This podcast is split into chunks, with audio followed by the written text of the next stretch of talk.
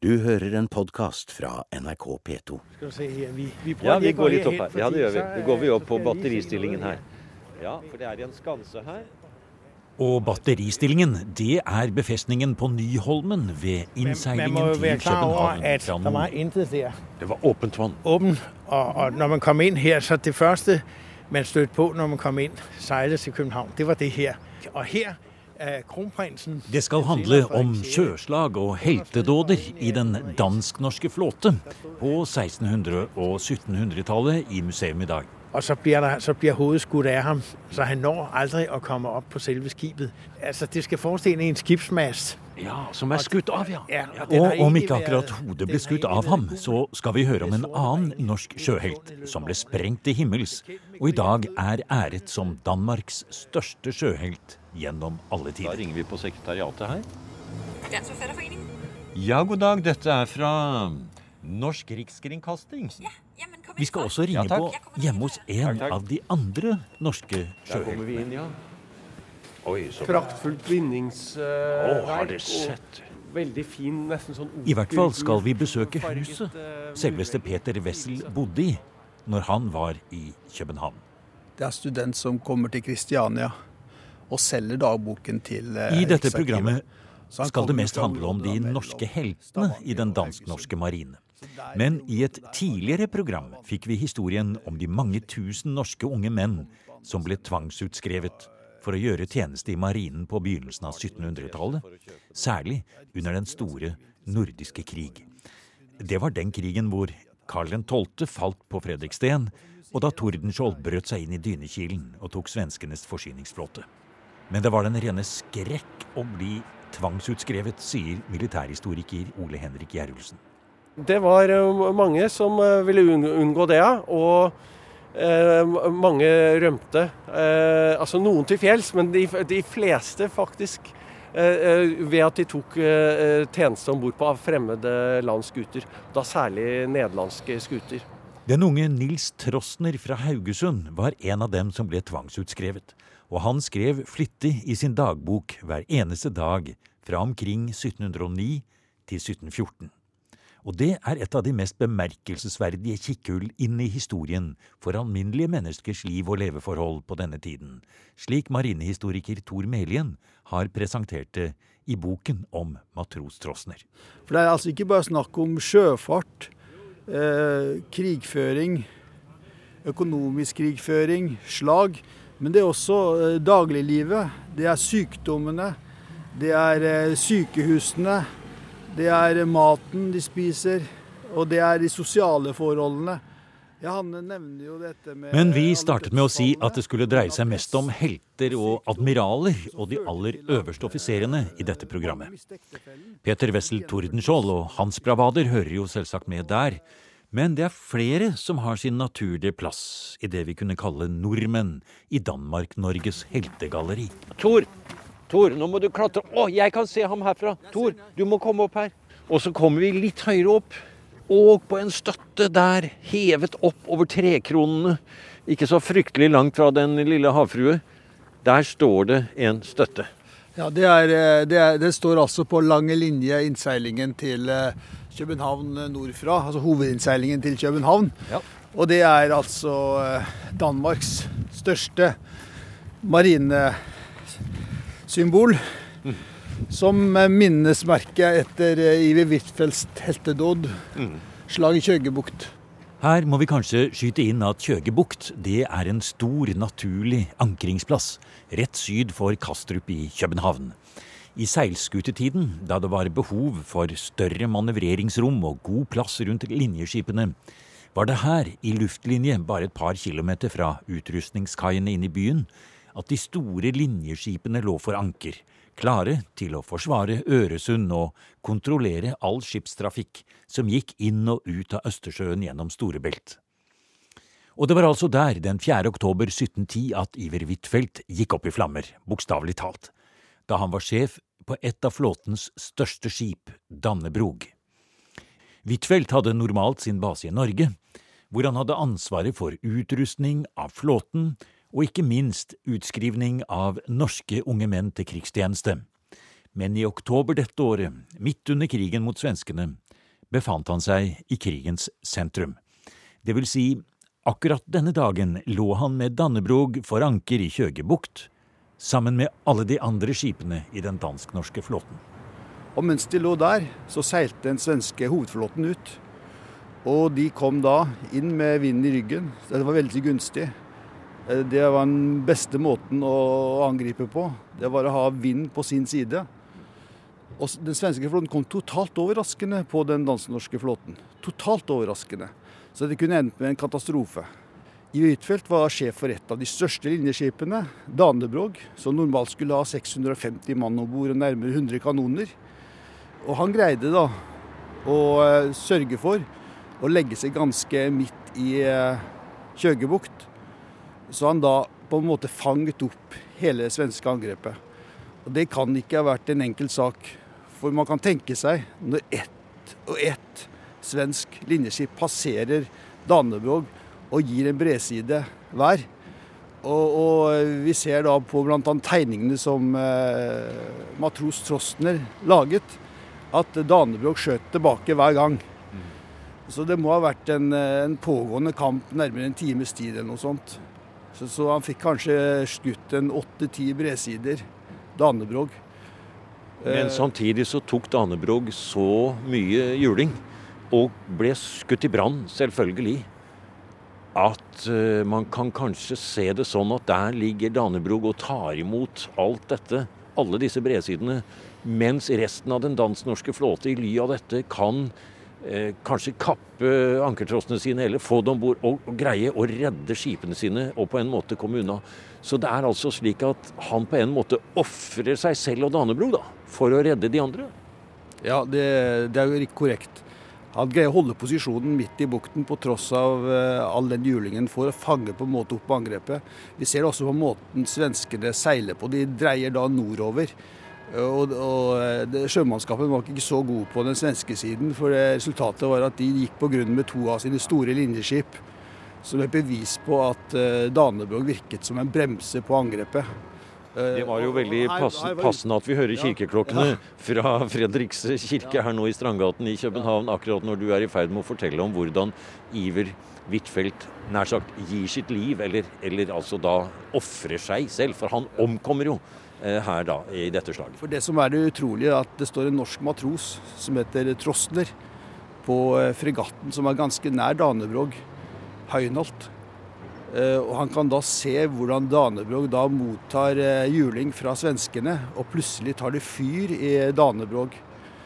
Det er en av de mest berømte tegningene fra den dansk-norske flåtens historie.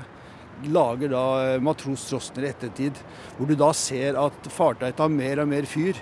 Du ser hvordan, hvordan matrosene prøver å komme seg unna flammene. Og etter hvert så er nesten hele fartøyet overtent, og så eksploderer det. Og, og eh, over 500 mann omkommer. Og eh, Trostene konkluderer med at det er ni som overlever. Ikke bare at han skriver at det er ni, men tegner også de ni i, i båten som da ror unna den forferdelige ulykken som rammet Danebrog og Ive Huitfeldt. Og hele denne innsatsen som Iver Huitfeldt gjør her, den gjorde stort inntrykk, eh, Hans Christian Bjerg, på den danske både opinion og konge og det hele. Det var eh, en æreshandling han hadde gjort der. Han hadde ofret både seg selv og et stort linjeskip, 550 mann. Men han reddet på en måte den dansk-norske marines ære. Jamen det, han, han redde ikke alene deres ære, men selve flåden. fordi øh, altså, hans, hans store indsats, fordi man kan sige ja, men øh, et var, han sprang i luften, og øh, øh, under kamp, så sker det jo sådan noget der, ikke? Men det, der er hans store fortjeneste, som vi lige har hørt her, det er jo, at han faktisk ved at fastholde sin position og ofre sig, øh, så redder han hele flåden, fordi det giver den dansk-norske flåde og Gyldenløve tid til at formere seg og legge seg i, i formasjoner, så de er klar til kamp. Og hvis ikke han hadde gjort det, så var det blevet den helt store katastrofe i Køge Bugt den 4. oktober 1710. Og selv om man kan lese i matros Trosners dagbok at man like etter slaget forsøkte å hente opp fra havets bunn noen av de 100 kanonene som var om bord på Danebrog, så gikk det mange år før det på nytt ble soknet etter det sagnomsuste skipsvraket. Men da var det blant annet i forbindelse med at det skulle reises et monument til ære for den danske marine og Iver Huitfeldts heltemot. På toppen av den 19 meter høye søylen står ikke den dansk-norske kommandørkapteinen selv, men en bronseengel med vingene utslått. Ved foten av monumentet er en rekke av de originale kanonene fra linjeskipet plassert som æresvakt. Det er mange kanonrør som ligger eh, under det monumentet på lange linje. Og det beste av de kanonene som ble tatt opp den gangen, den ble da levert til Norge og ble satt opp i det monumentet som vi har på utsiden av Hurum kirke. For Ivi Huitfeldt eh, bodde og virket på eh, Tronstad gård i Hurum. Og man satte da opp et minnesmerke der også i nyere tid. Med da den kanonen som var best bevart av de de tok opp. Fra Dannebrog, ja. Fra Dannebrog, ja. ja fantastisk. Vi må forte oss over Grønn mann her, Melien. Er, dette er et vandrende intervju i Kristianshavn i København. Nå, nå vi, må vi springe over. Det er ennå litt sekunder igjen her. Og nærmer oss Fredriks kirke, som vi ser i enden der. Og vi er i Strandgaten. Både Iver Huitfeldt og Petter Wessel er 1700-tallets sjøhelter. Men før vi avslutter med Petter Wessel, skal vi innom den store norske sjøhelten fra 1600-tallet. Det er en mann som ble født som Kurt Sivertsen i Brevik allerede i 1622, og som fikk sin sjømilitære tjeneste bl.a. om bord på nederlandske skip, og kjempet mot tyrkerne i Middelhavet i tjeneste for den venesianske marine. Men det er under navnet Kort Adler han ble kjent i Danmark, og nå er vi på vei nedover Strandgaten i Kristianshavn i København, på vei til stedet der mannen som nådde aller høyest i den dansk-norske marine, bodde.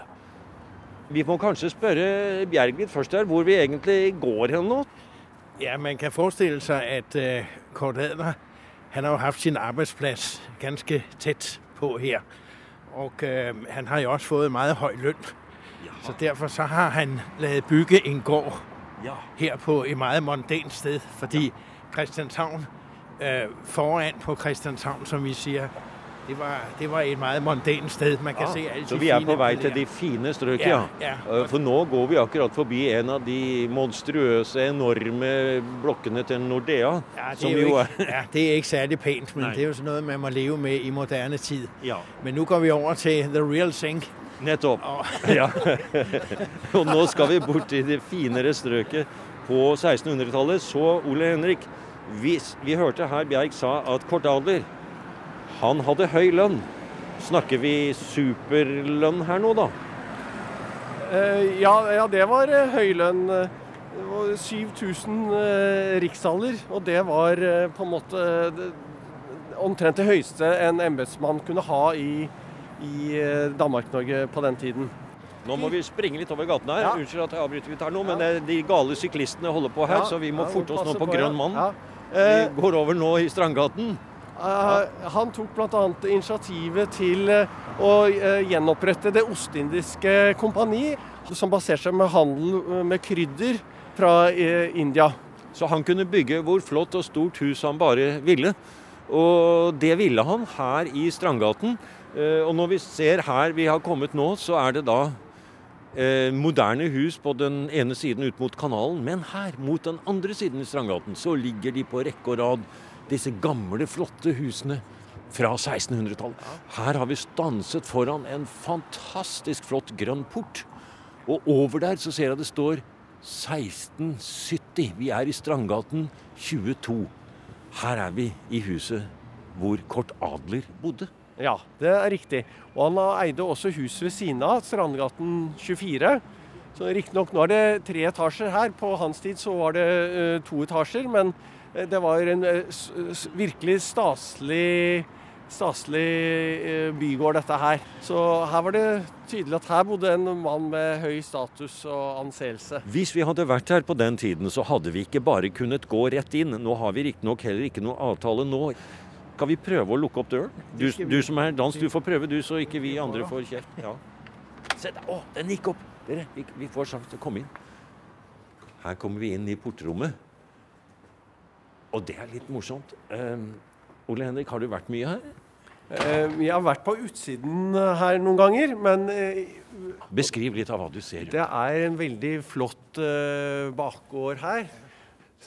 Fløyer på alle sider, så, så det er eh, hus, mu- mur, murbygning med flotte, store, smårutete vinduer. Eh, og eh, brostensbelagt eh, et nesten som et bitte lite torv her inne. Og her står det faktisk, et- i motsetning til utenfor, hvor det liksom helt er glemt at eh, generaladmiral For, for det står bare et årstall der. ja, eh, Adler bodde der, men her på Her, ja. innsiden Vi har det- sett det allerede blant eh, holdt jeg på å si, espalierene som skal holde Eføyen når sommeren kommer. Så står det da, altså er det en flott smijerns eh, lys, eh, lysanordning der. Og så under så står det da admiralen Kort Adler bodde her 1668 til 1675. Men altså, admiralen Bjerg, han var jo det. Men han var mer enn det. Han var mer enn det. Han var generaladmiral. Og det, det betyder, at han var den øverste av alle admiralerne i Danmark. Det er den høyeste titel, vi har haft. Med superlønn og den høyeste tittel det er mulig å få, så greide Kort Adler ikke bare å bli styrtrik på egne vegne, men også å bygge opp den dansk-norske marine. Han var på høyden av sin stjernestatus da han døde i 1675. Ikke i et stort sjøslag, men rammet av feber og sykdom om bord i et av kongens linjeskip i Østersjøen. Han nektet å gå fra bordet, men det var ikke annen råd, sier Ole Henrik Gjerulsen, som er i gang med å skrive Kort Adlers biografi. til tross for at det blir tilkalt seks leger, eh, eh, som var da landets beste leger, så eh, sto ikke livet til å redde, og han døde da 15.11.1675. Eh, antageligvis da av en eh, tyfusepidemi. Og det som er interessant, er at eh, enken Anna Pelt hun fortsatte eh, virksomheten. Så han hadde jo svære skogeiendommer i Telemark. så Han kom jo fra Brevik. og Faren hans hadde vært trelasthandler, så, så han hadde svære skogeiendommer der. Han hadde store andeler i Det ostindiske kompani. Han var involvert i islandshandel og også rederivirksomhet. Og i begynnelsen av 1690-årene så er Anna Pelt registrert um, som Københavns største reder. Så, så, så hun forvalter denne formuen videre. og Sånn sett så kommer jo adlerfamilien de kommer helt i toppsjiktet i, i, i den dansk-norske eliten. Og Kortale blir jo også eh, adlet, og hans sønn Fredrik Christian kjøper jo det store Dragsholmsslottet. Vi fortsetter vår vandring i 1600-tallets København, sydover i Strandgaten i bydelen Kristianshavn. En gang det mest fornemme strøk i byen, og hvor det bodde to norske sjøhelter, om enn ikke samtidig. Kort Adler bodde i nummer 22, og nå er vi på vei til nummer 6. Ja, jamen kom innenfor. Ja, takk. Jeg kommer ned og henter Takk, takk. Så nå, nå kommer vi inn i enda et, enda en, et av husene til dine helter her. Ja, ja. Og vi kan jo skimte bakgården her, og her er den i Vi kikker inn her. Eh, Oi, praktfullt vinningsverk. Og veldig fin, nesten sånn okergult farget eh, murvegger. Ja. Veldig flott. Og får virkelig sånn litt skjeve vinduer, små, store smårute vinduer, men man får jo en sånn virkelig fornemmelse av eh, tidlig 1700-tall her. Det var veldig flott. Ikke sant, Melien? Det var fint her. Det er vakkert her. Det er virkelig en by her. Her kommer Sara også. Hei, hei. Tusen takk for at vi måtte få lov til å komme. Takk, takk. Ja, takk. Eh, Dette er de to norske Når vi kommer opp i de gedigne 1700-tallsstuene som i dag er møtelokaler for Den danske forfatterforening, ser vi at det er store malerier fra gulv til tak, med motiv fra Bibelens fortellinger om Abraham. Og det er dessverre ikke Tordenskjold som har fått dem malt, men datidens huseier Abraham Lehn, som Tordenskjold leide værelser hos. Men var det akkurat disse rommene? Og så kan det ikke være her. Nei, for det er for mange vinduer her. Det er for mange vinduer. Formentlig boet i, i baghuset. Men gården har vært her. Øh, Men øh, hvornår de her malerier så præcis, altså om Tordenskjold har nået at se dem, det vet vi ikke helt præcis. Det kan vi ikke helt afgøre. Ikke i disse værelsene, men i etasjene ut mot bakgården, sier marinehistoriker Hans Christian Bjerg, som er en av dem som kjenner Peter Wessels historie best, etter inngående arkivstudier over flere tiår, brevvekslinger, arveoppgjør og offentlige dokumenter tilknyttet Peter Wessel. Alt har Bjerg gjennomgått.